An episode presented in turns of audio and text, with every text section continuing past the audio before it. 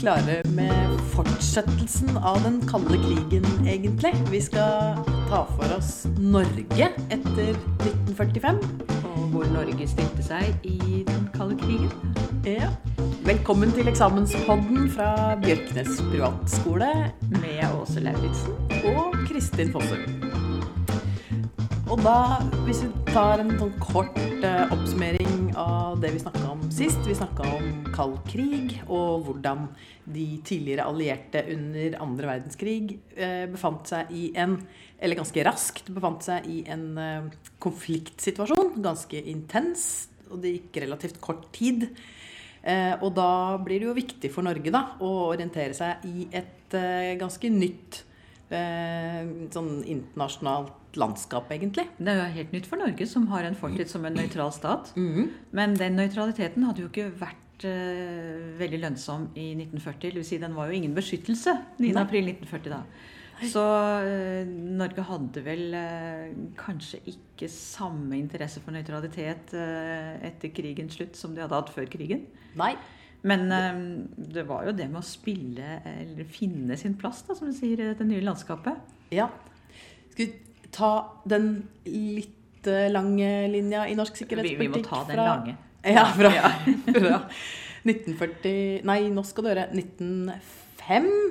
Nå, mm. det, det går an å dra det tilbake til 1855 òg, men jeg tror vi, vi tar Vi, Vi holder oss på 1900-tallet. vi. Det er liksom så greit. Og, ja. Ja, da blir Norge selvstendig stat, og da eh, etter eh, 1905 så fører vi en eh, nøytralitetspolitikk. Og der er vi sammen med Danmark og Sverige, som eh, ligger på samme linje. Ja, og det innebærer at vi eh, ikke skal At staten ikke tar eh, side, velger side, i konflikter. Eh, og det knytter seg forpliktelser og, og rettigheter til det å erklære seg nøytral. Da. Så man har på en måte rett til å stå utenfor eh, konflikter, men man har også plikt til å da f.eks. ikke selge varer eh, Altså krigsviktige varer til de krigsførende partene, f.eks. Eh, ikke ha krigshandlinger på sitt territorium, osv. da. Og selvfølgelig være alliansefri. Ja, alliansefri. Og ikke ha Altså ruste ned, da, og ikke ha Ikke ha stor stående her og se Ja. stor og farlig ut. Ja. Ja. Og da blir det jo spennende. Den første testen på om denne sikkerhetspolitikken eh, funker, det blir første verdenskrig. Da erklærer jo de skandinaviske statene seg nøytrale. Og selvfølgelig Norge er med der, da. Men for Norges del så ble vel den nøytraliteten bitte lite grann eh, Hva skal jeg si? Den, den var ikke helt troverdig når vi kommer ut i krigen. Nei. Vi har vel relativt nære forbindelser med Storbritannia. Ja, for det, det viser seg jo at det er jo ikke så lett å være liten, nøytral stat når krigførende stormakter har interesser eh, av deg. så, Og særlig av Norges skipsflåte. Ja.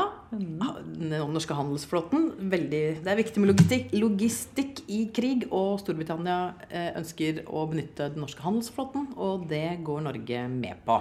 Etter at de har eh, fått signaler om at kanskje Storbritannia ikke ville selge kull og kobber til Norge.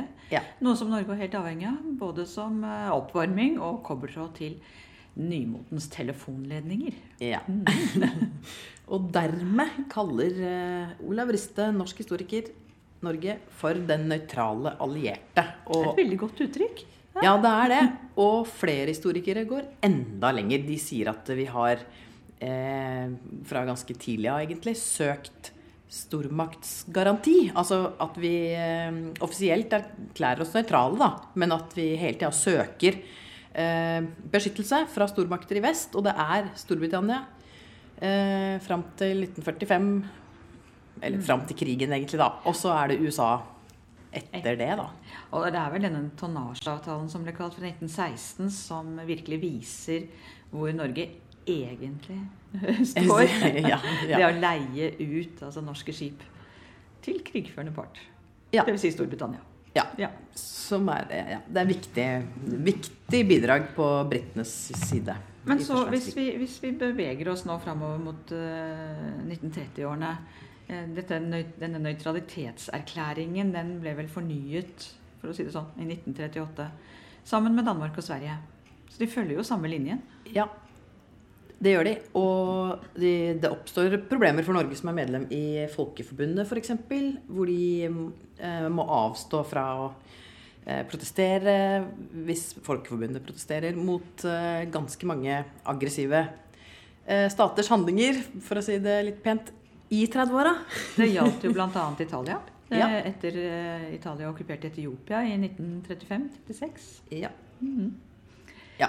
Ja. Så vi, vi, hva skal vi si, vi, vi humper av gårde med en sånn nøytralitet på overflaten, og så viser det seg i praksis å være vanskeligere å, å overholde. Da. Og så kommer krigsutbruddet i september 1939, og eh, det samme gjentar seg igjen. Norge erklærer seg nøytrale eh, til eh, denne konflikten mellom da Tyskland og Frankrike, Storbritannia. Og, så skjer, og så skjer det samme igjen, nemlig at eh, man inngår avtale med britene. Det er vel før jul, altså i 39 da, 39, ja. allerede, om at britene kan benytte den norske handelsflåten da. Så der er vi. Ja, der er vi. Og så skjer det jo en del andre ting også. Vi tillater f.eks. et britisk krigsskip eh, slippes inn på norsk territorium for å frigjøre britiske krigsfanger som man ikke kjenner til, i et tysk handelsskip. Altmark. Ja, så denne Altmark-affæren den eh, sådde jo sterk tvil om norsk nøytralitet. Og Ja. det benytter jo Hitler seg av som propagandapunkt. Altså, Ja. å si at Norge er ikke i stand til selv å forsvare sin nøytralitet. Ja. Så Ja, det, ble, det ble jo viktig, viktig poeng da for eh, Hitler. ja. Og, og det kan vi jo si at det var jo også noe av begrunnelsen når tyskerne sto i Norge 9. april, at de kom jo egentlig for å forsvare Norge mot britene. Britisk aggresjon, det. Ja. Så Da hadde jo britene i tillegg minlagt Ja. eh, deler av norskekysten, så det hadde de også. Ja. Men Ja. altså, nøytraliteten var ingen beskyttelse 9. Nei. april. Nei. Og som du sa, man må orientere seg i et nytt landskap etter andre verdenskrig. Ja. Og da gjelder det nye sikkerhetspolitiske avgjørelser. Norge blir jo tidlig medlem av FN. ja. Ja. Det blir de, og ser på FN som en mulig garantist for eh, norsk sikkerhet. Eh, Men de faller da tilbake til eh, nøytraliteten, eller nøytralitetslinja. Prøver seg iallfall. Ja, Ja. og tenker at de i det nye landskapet med skarpe konflikter mellom øst og vest, så kan de være en brobygger som skal forhandle mellom eh, ja, øst og vest, da. ja. For stikkordet er jo brobyggingspolitikk. Ja. Og der er det jo veldig viktig å være alliansefri. Så Ja. Norge ser for seg en eh, rolle på den internasjonale politiske stjernehimmelen. Ja. En, en stjernestatus. ja. Og så har jo Norge da generalsekretæren i FN, den første generalsekretæren i FN, Trygve Lie, og det er klart at det gir litt ekstra opptur. Er Ja. denne. Men hvordan gikk det med denne brobyggingspolitikken? Nei, den funka ikke så bra. Det, Gjorde jo ikke det. det var eh, eh, Det ble ganske raskt tydelig at det eh, kom til å bli vanskelig med, med Norge, som jo f.eks. da ligger veldig nære grensa til Sovjetunionen. Ja, ikke bare nær, de deler Ja, de, de, de, de, altså, de deler Veldig nær Sovjet. Ja. Så, men de skandinaviske landene kunne jo kanskje også hatt felles interesser. Det var jo Ja. snakk om et skandinavisk eh, forsvarssamarbeid. Mm. Et nordisk forsvarssamarbeid, ja. Ja. Med eh, de andre med, med Sverige og Danmark. Ja, ikke sant? For Finland var vel egentlig ikke invitert inn, for i 1947 gikk jo Finland inn i en sånn vennskapssam... Hva heter det? Vennskapsavtale, heter det. Ja. Med Sovjet. ja. Så da var ikke det så aktuelt. Nei. Men eh, Danmark og Sverige, som også hadde en fortid som nøytrale Ja. Sverige hadde jo litt bedre erfaringer da enn Danmark og Norge med nøytralitetspolitikken. Ja, det funka jo bra for Sverige. Ja, De eh, klarte jo å holde seg utafor andre verdenskrig, mens det motsatte var tilfellet med Danmark og Norge. Så, eh, og det nordiske forsvarssamarbeidet strander jo mye av det. Altså veldig ulike erfaringer ja fordi fra Danmark krigen. og Norge ønsket vel eh, et eh, tettere samarbeid med en stormakt. eh, Les USA. Ja. Eh, og dette handler jo litt om våpenkjøp også, fordi da kunne du jo få kjøpt billige våpen. Det høres ut som jeg er på shoppingtur, men, Ja. men de var jo litt avhengig av det. For mottoet var jo i norsk forsvarspolitikk 'aldri mer 9. april'. Mhm. Og 9. april hadde de vært dårlig rustet, så det skulle ikke skje igjen. Nei. Og derfor eh, ønsket de jo kanskje å ha en garantist for freden, som du sa, en stormakt som kunne passe litt på dem. Ja. Samtidig som de skulle være i et skandinavisk eller nordisk forsvarsforbund. Ja. Ja, Men Sverige syns ikke noe om den ideen. Nei. Nei. De synes ikke, hadde ikke de samme erfaringene med eh, tysk okkupasjon og eh, vestorientering da, under eh, andre verdenskrig. Og dermed så trekker Sverige seg fra eh, samarbeidet. Og når Sverige trekker seg fra eh, et nordisk forsvarssamarbeid, så eh, blir det bl.a. et påskudd for Einar Gerhardsen. For skal vi sirkle oss inn mot, Ja, mot regjeringa her nå? Ja. Ja, vi kan jo kanskje i hvert fall si at uh, da er det Einar Gerhardsen og Arbeiderpartiet som uh, kommer til å styre Norge fra 1945 til 65, altså 20 år med, nest, nesten med eh, ettparti-flertallsregjeringer. De har veldig mye makt etter andre verdenskrig. Og det, er, det blir da veldig viktig å se på hva eh, Einar Gerhardsen og eh, ja, utenriksministeren Halvard Lange, kan vi kanskje ta med da, ja. mener om Norges sikkerhetspolitiske stilling, orientering. Og da, når Sverige har trukket seg fra eh, et nordisk forsvarssamarbeid, så eh, kan jo det brukes som et argument for at eh, nå er det ikke så mange alternativer. Hvis vi skal stå alene, sånn som vi gjorde i 1940, så er, så er kanskje ikke det det heldigste. Og mm. da begynner Arbeiderpartiet å bevege seg vestover, og så kommer det som vel kanskje er den utløsende faktoren, da. For at de faller ned på et eh, vestlig forsvarssamarbeid, nemlig kupp i, eh, kommunistkuppet i Tsjekkoslovakia. Det er vel det som vipper det over til Eller som avgjør, da. For jeg har vel vært inne på tanken, som du sier. Ja. Men kuppet i Tsjekkoslovakia er jo skremmende. ja. Eh, Man hadde sett for seg Tsjekkoslovakia som en fritt land, en slags eh, øy av frihet i et eh, sovjetdominert Øst- og Sentral-Europa. ja. Men da er det jo også viktig for Gerhardsen og Arbeiderpartiet å markere avstand til kommunismen, er det ikke det? Jo. For de har jo hatt De har jo sin kommunistiske fortid, eller sin kommunistiske flørt, eller hva vi skal kalle- det. ja. Med Komintern på eh, 1920-tallet. Ja. Og, og også eh, arven fra blodbyggingspolitikken. Altså, de har jo hatt eh, De har jo forsøkt å ha gode relasjoner med Sovjetunionen. Ja. Ønsket var jo å være i midten og være grei mot begge parter. Ja. Men Eh. denne, denne linjeoppgangen mot eh, kommunistene kommer jo Einar Gerhardsen med i en tale som går under navnet Kråkerøy-talen. Ja. Ja, som ble holdt på altså Kråkerøy ved Fredrikstad. Ja. I et partimøte der. ja. Og der uttaler han ganske tydelig hvilket standpunkt Arbeiderpartiet tar, eller iallfall ledelsen har tatt, ja. i denne saken. Så da blir det vel klart da, at uh, Norge kommer til å søke samarbeid vestover. ja. I en eh, nordatlantisk forsvarsallianse, Nato. Ja. Og i denne forsvarsalliansen så er det klart at Norge ønsker å avskrekke Sovjetunionen fra å angripe Norge ved at de er medlem i en forsvarsallianse. Så sikkerhetspolitikken går ut på da å skremme russerne fra å angripe Norge gjennom at eh, artikkel 5, eh, et angrep på én stat i alliansen, er et angrep på alle. Altså denne artikkelen vil føre til, håper vi da, at Sovjetunionen ikke ville angripe Norge. Den skulle være skremme... sk- Skremmeparagrafen, holdt jeg på å si. Ja. Men Norge får jo noen spesielle avtaler, eller får jo inn da det vi kaller baseerklæringen. Ja.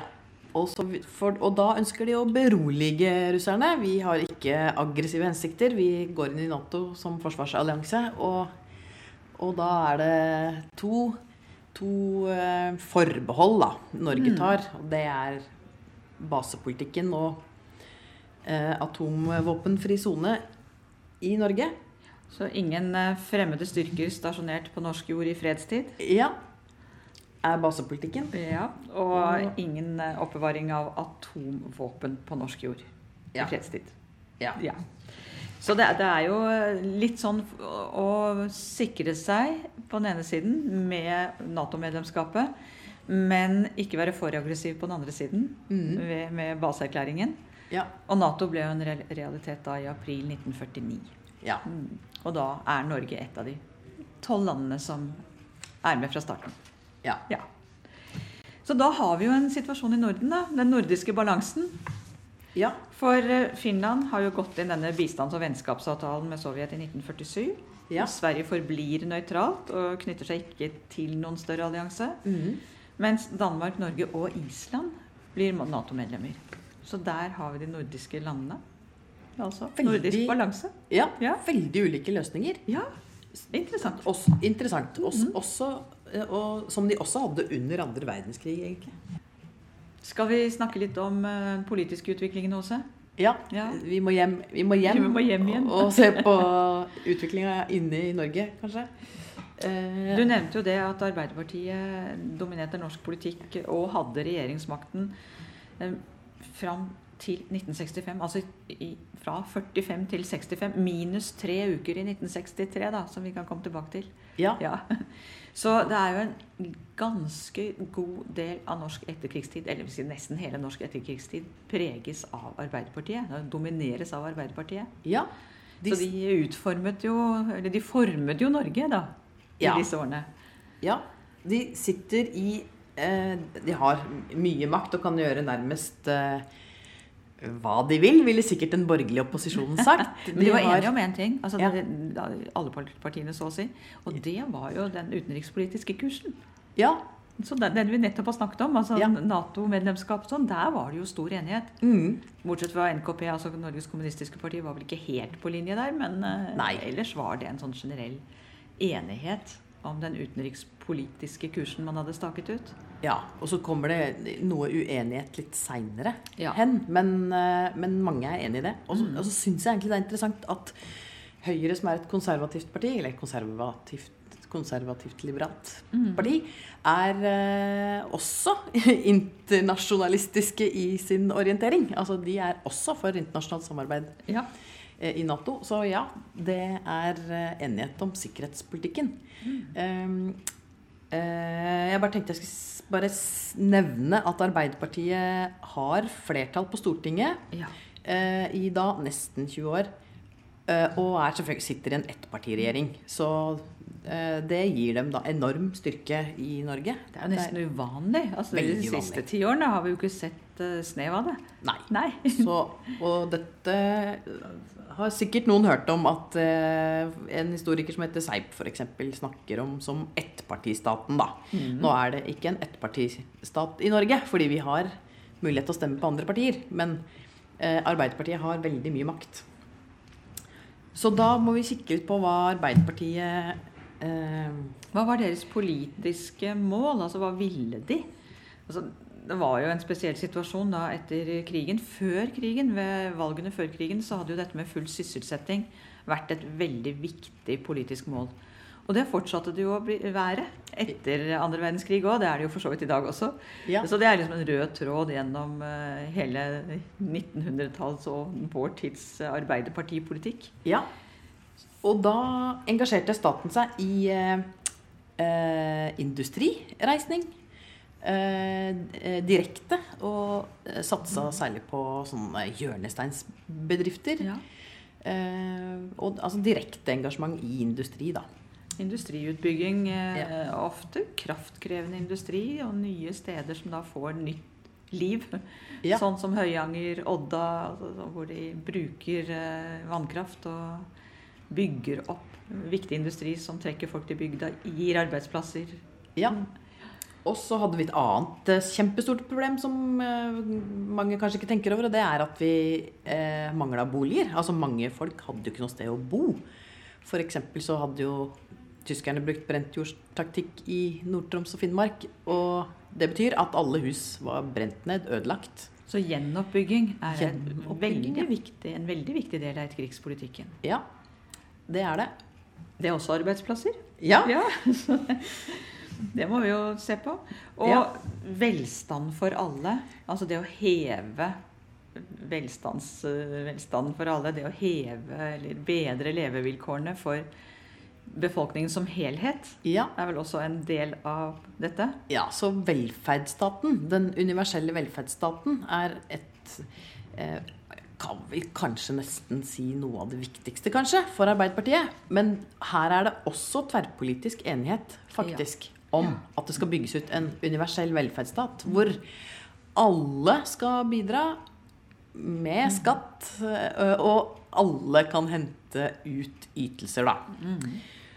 Men hvis vi ser litt på den økonomiske politikken rett etter krigen, eh, det som ble kalt reguleringspolitikken For eh, det er jo slik at staten, dvs. Si da med Arbeiderpartiet i spissen som politisk ledelse, her går inn og regulerer eh, økonomien direkte. Ja. Priskontroll, fortsatt rasjonering.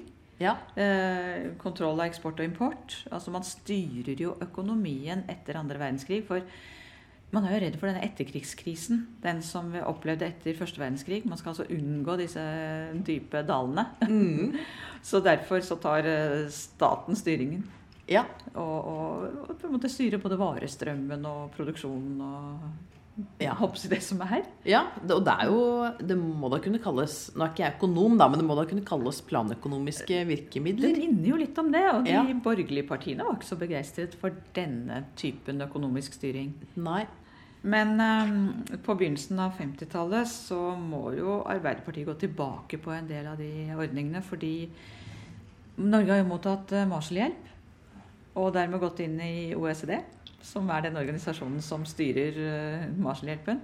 Ja. Og som også da forlanger frihandel. Mm. Så fra 1950, altså tidlig på 1950-tallet så oppheves jo en god del av rasjoneringen her. Ja. Eh, Det eneste Nå holdt jeg på å si det eneste jeg husker. Ja. Det er jo rasjoneringen av biler. Den ble beholdt helt fram til 1960. ja. Mhm. Så, men jeg, jeg har eh, hørt da fra, fra, gamle fra gamle kjente at eh, man kunne f.eks. få kjøpt bananer da etter At man kunne få kjøpt Til sydhavsfrukter og med sånn f.eks. revyvise som heter 'Kommer en båt med bananer'. Ja, og, og appelsiner f.eks. da. Mhm. Eh, så ras rasjoneringen var jo Regulerte jo veldig mye av Ja. eh, økonomien. Så er det jo litt morsomt da, sånn på privatøkonominivået, hvor du så eh, annonser i avisene. Det var før finn.no, dette her. Hvor det står sånn eh, tomannstelt byttes mot barnevogn og sånn. Eh, Ja. Så mye sånn By bytteøkonomi. bytteøkonomi, ja. Litt sånn videreføring av Sånn økonomien på- fra krigen. Liksom. Sånn, sånn på det personlige økonominivået. Ja.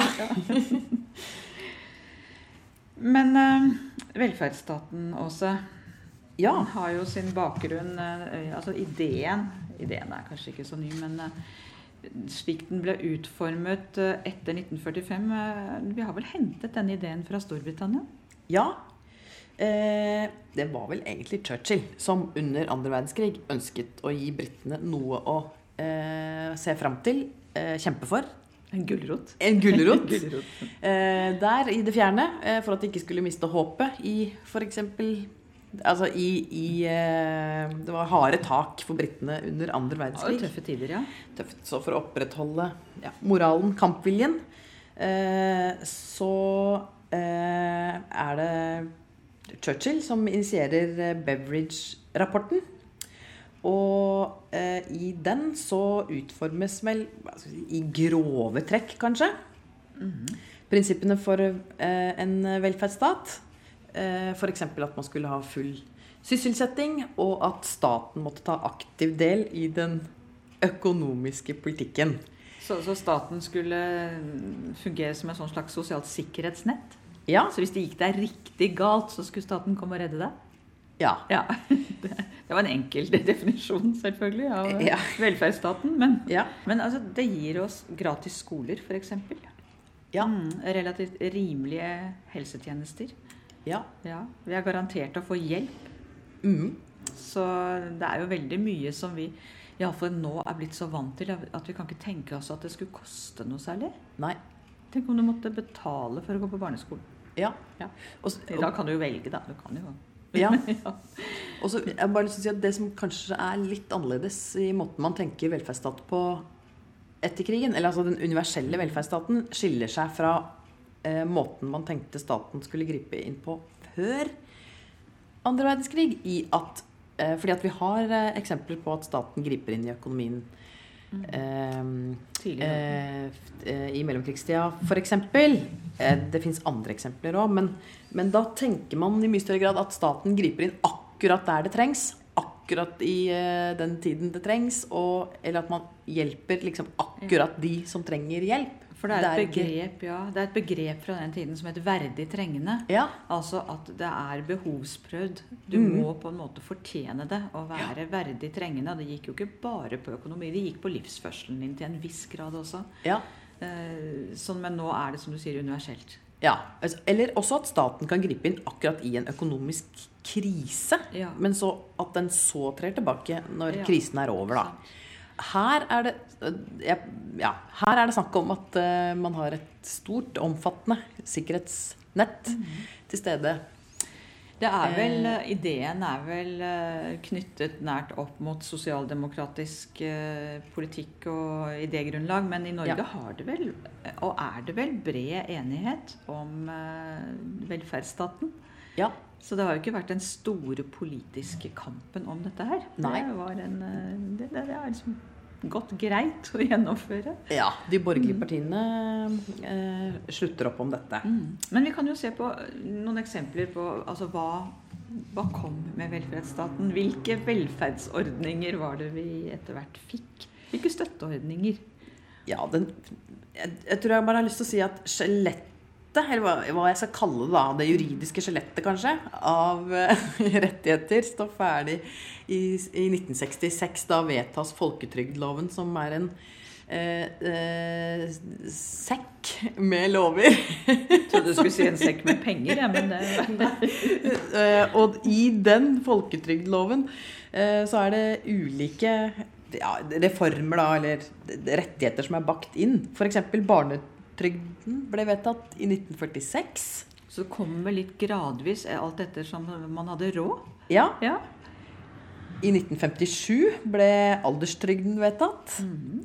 Eh, og Husbanken. ble Husbanken, opprettet ja. i 1946. ja. ja. Og så utvidet man jo skoleplikten fra Ja. syv til ni år på 1950, i 1950-årene. Det kostet jo litt. Ja. Men det ga jo også eh, bedre utdanning. Ja. Og det å satse på utdanning har jo absolutt noe med å heve standarden generelt for hele befolkningen. ja. Og så må jeg, jeg må bare si at da hadde man råd til eh, blyanter og Ja. sånt skrivepapir. Man hadde det. Viskelær. Fikk alt det da jeg gikk på skolen. Ja. Eh, som man ikke har råd til i dag. Bare tenk på det. Hvor ble de gode, glade 60-åra av? Nei, nå skal vi ikke ripe opp i det. Veldig, veldig viktig institusjon som også er en del av denne velferdspakken, og det er Statens lånekasse for utdanning. Ja. Det skulle sikre like muligheter Ja. for alle til å gå videre etter den pliktige skolegangen. ja. Og Og det skal vi være glad for. det skal vi Ja. være glad for. Da kan alle ha råd til å ta seg høyere utdanning. Men i Norge, Danmark og Sverige så har vi jo denne modellen, som du sier. Den universelle velferdsmodellen. Ja. Eh, Det vil si at det ikke er behovsprøvd. Men som du sier, også de rike har adgang på, på tilbudene fra staten. Ja. Og det er ikke det de kaller den nordiske modellen? Jo. Man skryter, vi, vi skryter veldig av den når norske politikere skryter av den når de er ute i verden. Ja, eh, det gjør de. Eh, Så eh, en universell velferdsstat med eh, billig eller gratis utdanning og helsetjenester. Eh, man overlater lønnsforhandlinger til organisasjonene i arbeidslivet. Eh, og det betyr at det er ikke staten som skal gripe inn og bestemme lønn. Det er heller ikke ensidig arbeidsgiverne, f.eks. Nei, for her er det resultat av forhandlinger mellom partene. Ja, hvor, hvor staten kan gripe inn, men først eh, når forhandlingene har kjørt seg helt, helt fast. Og gått på overtid i dagevis. Ja, og hvor det kanskje er fare for liv og helse. Griper staten inn. Men utover det så skal dette eh, eh, framforhandles mellom partene i arbeidslivet, da. Eh, vi har eh, også mål om full sysselsetting, og eh, det betyr at grupper som At man skal jobbe for å få grupper som kanskje vanligvis faller utenfor, eh, i arbeid. Og legge til rette for eh, at f.eks. Eh, ved, ved f.eks. Svangerskapspermisjon at man ikke faller utenfor eh, arbeidslivet. Så det meste av grunnmuren for eh, nå, våre dagers velferdsstat, den ble lagt da i perioden 1945 til ut på 1960-tallet. Ja. Og vi har jo snakket om at det var Arbeiderpartiets glansperiode, hvor de eh, i iallfall lang periode satt med flertall, altså ett parti i staten, som Ja. det ble kalt. Men i 1965 unnskyld, så er det jo slutt på Arbeiderpartiets eh, lange, lange periode ved makten. ja. Altså, kanskje vi skal si litt hva skjer i politikken her? Selv om det er en, en, en ganske allmenn enighet i politikken om, om utviklingen og grunnleggingen av velferdsstaten. Hva er det som river Arbeiderpartiet ned fra maktens tinder her, da? Ja, det er et uh, mistillitsforslag som kommer eh, i forbindelse med en eh, alvorlig kullgruveulykke på Svalbard. Var det 21 som døde? I, I hvert fall en alvorlig Ja. eh, ulykke i en av de statlig eide gru, kullgruvene på Svalbard, som heter ja, eh, Kings Bay. Mm. Eh, hvor eh, regjeringen Gerhardsen beskyldes for å ikke ha eh, sørget for eh, skikkelig sikkerhet i den gruva. Og det var Og- statseide gru- gruver, og da har jo da regjeringen ansvar. Ja, regjeringen For dette. har ansvar for eh, det som er statlig eiendom. S- eh, og da hadde man fått mange indikasjoner på at gruva var farlig, uten at man hadde utbedra det, da. Og så hadde det jo skjedd noe på venstresiden i norsk politikk før det som gjorde at situasjonen ble spesiell nettopp etter Kings Bay. For i 1961 så hadde eh, deler av venstresiden i Arbeiderpartiet skallet av. Altså det, det, var, det gjaldt faktisk Nato-medlemskapet. Ja. Så det var utbrytere fra Arbeiderpartiet som hadde dannet eh, SF, Sosialistisk Folkeparti. Ja. Og ved valget samme året, altså i 1961, så fikk SF to representanter på Stortinget. Og sammen med SF hadde Arbeiderpartiet da flertall, men SF kom i vippeposisjon, for det var ganske likt, eh, lik fordeling av mandater mellom borgerlig side og den eh, venstresiden. ja. Men, så da var Arbeiderpartiet plutselig avhengig av disse to SF-representantene hvis de skulle ha flertall. Ja. Og det kommer jo til å bli et problem når denne Kings Bay-saken kommer opp. ja. For da har ikke Arbeiderpartiet flertall lenger. Nei. Sånn at Fordi SF velger å gå med de borgerlige i mistillitsvotumet mot Arbeiderpartiet. Ja. Dette er en fantastisk demonstrasjon av hvordan parlamentarisme virker. Ja, Ja. det er det. Og da fikk et eh, flertall, borgerlig flertall med SF-representanter, eh, kasta eh, regjeringen Gerhardsen, da. Så danner de borgerlige partiene koalisjonsregjering Ja. med en eh, høyere statsminister. Ja. Ja. Lyng? Ja, Jon Lyng. Ja. Ja, de satt ikke så lenge. Nei. Nei. Tre, 14 dager, tre ja, uker. Noe sånt. Mm. Eh, så kommer Gerhardsen til makten igjen. men, men eh, maktmonopolet, eller det vi ofte kaller de borgerliges ørkenvandring Stakkar, de har jo ikke sittet med regjeringsmakt. Kjempetørste. Nei, Ja, de, og de har liksom tenkt at eh, vi får aldri regjeringsmakt, vi. Nei. Men nå Nå har de sjansen. Ja. Så ved valget i 1965, da fikk de borgerlige partiene flertall. En koalisjon av Høyre, Venstre, Senterpartiet og Kristelig Folkeparti. De dannet regjering da med en statsminister fra Senterpartiet, Per Borten. ja. Og, og da er i grunnen maktmonopolet til Arbeiderpartiet brutt, da. Men det, det var jo ikke noe sånn der voldsom omlegging av norsk politikk. Nei. Da, altså, da ser vi jo egentlig hvor stor enighet det har vært. For det var ikke noe dramatisk linje, eh, eller brudd med linjen til Arbeiderpartiet. Nei. Så man snakker jo her om et personskifte, men ikke nødvendigvis et systemskifte. Mm. og da så tenkte jeg kanskje at vi kunne bare runde av den som første epoken med eh, politikk i, etter 1945. Eh, fordi nå vedtas jo folketrygdloven i 1966. Ja. Og da er rammeverket for eh, velferdsstaten på plass. Da er det satt. Ja. Eh, og så, men det som kanskje er det som vi nok må trekke fram, er at tjenesteytende næring, eh, og da særlig statlige ytelser, Den har vokst. det vokser. Den har vokst, Og det har sammenheng med framveksten av velferdsstaten. Sånn at eh, hvis vi ser på de ulike næringene i forhold til hverandre, så eh, blir det færre og færre sysselsatte i landbruk. Og tjenesteytende næring går forbi industri når vi kommer omtrent til 1970. 1970 er et sånt skille det nesten i, i eh, norsk næringsliv. Ja, det er vel fordi jeg ble født da, i 1970. Det var det som var utslaget. Ja. Det ante meg at det var et eller annet voldsomt som hadde skjedd. Ja. Ja. Eh, nei, ja, det 1970 er et skille, da. For nå, nå kom kommer vi vi fram det. til det vi egentlig skulle, skulle være en overgang fra folketrygdloven. Litt uh, vag overgang, da. Men i 1969 så skjer det noe stort i norsk økonomi. Og det er at vi finner olje. Det var det. Jeg visste det var noe. Du visste det. Det er en kjempespennende periode, da, for det har vært en del leting på norsk sokkel uh, Ja. en stund Ja. gjennom 1960-årene. Og Ja.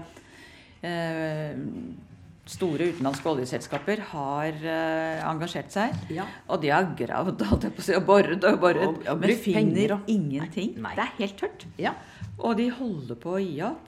Og så plutselig Ja. så, så, så holdt jeg på å si finner de gull. Nei, det var ikke det de fant, men det var, olje. ja. Svart gull. Svart gull, og det var jo altså, så mye. Det var så mye større enn man kunne forestille seg. Ja. Og da, det kom jo litt sånn som på julekvelden på kjerringa. På Ja. norske myndigheter. Hva gjør vi nå? ja. Vi har jo ikke peiling Nei. på hvordan dette skal Så all fagekspertisen måtte jo inn Ja. Særlig fra USA. Ja. Ja. Da ble jo engelsk oljespråket også. ja. Ja. Det blir det. Mm. Og Stavanger klarer å snyte Bergen for uh, oljevirksomheten og blir oljehovedstaden. Ja. Uh, og i løpet av en ja, tiårsperiode så skjer det et eh, sånn eh, teknologiomstillingsunder, nærmest. Det er, her snur man seg rundt, altså. Fra, fra å ikke ha vært borti oljevirksomhet i det hele tatt, til å utvikle en veldig avansert oljeindustri. For her handler det ikke om å bare putte en sånn mekanisk pumpe ned eh, i jorda, og så pumpe olja rett opp. Her må det helt andre virkemidler til. Her må litt eh, forskning til. Altså, det er eh, dypt der ute Ja. i Nordsjøen. Det er veldig mye dårlig vær. Veldig mye dårlig vær. Blant de dårligste væra i verden. Det dårligste væra i verden. Så her måtte det inn med ny teknologi. Og, ja. Men det som er litt spennende her eh, Det var jo ikke helt klart hvem som hadde eiendomsretten eller hva jeg skal kalle det, til all denne oljen, og til disse områdene. Så dette med havrett, altså hvem har rett på ressursene i havet, det var et spørsmål. Og der førte jo Norge forhandlinger med nabostater på andre siden av disse havene. Andre siden av Skagerrak og Nordsjøen og sånn. Og Norge fikk jo gjennom det som heter midtlinjeprinsippet. Altså man rett og slett står med passeren og linjal, så Mm. måler man seg midt ut i Nordsjøen og sier at halvparten er mitt og halvparten er ditt. Flaks for Norge som hadde så mange øyer, og så Ja. måler du fra den der ytterste grå holmen, og så får du noen kilometer ekstra. Ja. Så Norge fikk store deler av de områdene som hadde olje. Ehm, jeg tror det er snakk om en, en Vi har en kontinentalsokkel på 1,5 kvadratkilometer Nei, 1,5 millioner kvadratkilometer, Mm. eller noe sånt. Og har altså råderett over enorme ressurser med gass, olje, fisk og you name it. ja. Så dette med midtlinjeprinsippet var en uh, smart sak. Mm. Men hvordan forvalte dette? Hvem Ja. skal uh, tjene penger på det? ja. Skal vi gi hele greia til et privat selskap? Sånn som danskene gjorde? British Petroleum? Eller det britene gjorde? Ja. Eller hva gjør vi med dette? ja. Og da eh, falt man ned på en linje som eh, nok overraska i hvert fall amerikanske oljeselskaper, kan vi vel si. Og det var at eh, staten tok eh, full kontroll over eh, norsk kontinentalsokkel og ressursene der. Og eh, eh, de eh, oljeselskapene på sokkelen endte opp med å måtte betale oppunder 80% i skatt. Og staten tok jo også kontroll over konsesjonstildeling. Yes. Så her satt man og delte ut det de kalte blokker. Du får den Ja. og du får den. Og vi skal ha penger av dere for at dere skal få lov å holde på der. Ja. Og store oljeselskaper mente at uh, dette her kom aldri til å funke, for det var ingen som ville etablere seg på norsk sokkel. Men så var det det likevel, da, gitt. Og da opprettet man jo Statoil, som det Ja. da het. Ja. For å være med og sikre Norge fordeler her, og være med å administrere dette her. Ja. Så ble Norge veldig, veldig rikt, da. ja. Ja. Veldig rikt. Eh, og eh, noe av det som skjer utover på 70-tallet, er jo at velferdsstaten eh, bygges ut. Og eh, velferdsstatens juridiske fundament står jo, er jo på en måte folketrygdloven eh, fra 1966. Men når vi ekspanderer ytelsene så veldig, så er jo det takka være olje, da. Det har penger på bok. Ja, men jeg er veldig opptatt av å formidle at det er ikke det, er ikke det at vi er så innmari rike. Eh, Det er ikke det Ikke som er grunnen. Det er ikke det som er grunnen til at vi kan ha en velferdsstat. Fordi at rammene rundt velferdsstaten er jo klare før vi finner olje. De ble jo satt før oljen kom, ja. Ja, Og den funket jo da òg. ja, Ja. den gjorde det. Til og med papir og blyant på skolen Ja. hadde vi råd til da. Viskelær fikk vi jo. Ja. Ja. Mm. Men at det nå finnes en god del ressurser som man forhåpentligvis kan tilby kommende generasjoner, ja. det, det gjør det jo. ja. Ja. For inntektene bruker vi ikke opp, men Ikke alt, iallfall. Nei. Nei. Overskudd av inntektene bruker vi, men ikke inntektene. Og de settes på et eh, statlig oljepensjonsfond, mener jeg. Utland, som det heter. Ja. Da høres det ut som pensjonistene for alt, men det stemmer jo ikke. Nei. Men iallfall, da kan vi si at rundt eh, 1970 så er det er et skille i eh, norsk økonomi, iallfall. Ja. Og norsk næringsliv. Mm. Fordi fra da primærnæringer som jordbruk, fiske, men også en del tungindustri og en del kraftkrevende industri, og selvfølgelig en del annen type industri, så får vi i tillegg oljeindustrien, som kommer til å bety sysselsetting. Det er jo viktig. Ja. Men også mye ny teknologi. Så det har jo altså ringvirkninger utover akkurat det der å ligge ute i Nordsjøen og bore etter olje òg. Ja. For det, det, det fører jo til at man får, kommer ganske i, i forkant uh, i teknologisk utvikling, iallfall marinteknologi. ja. Det er jo spennende. Det er spennende. Da takker vi for oss fra Bjeknes privatskole.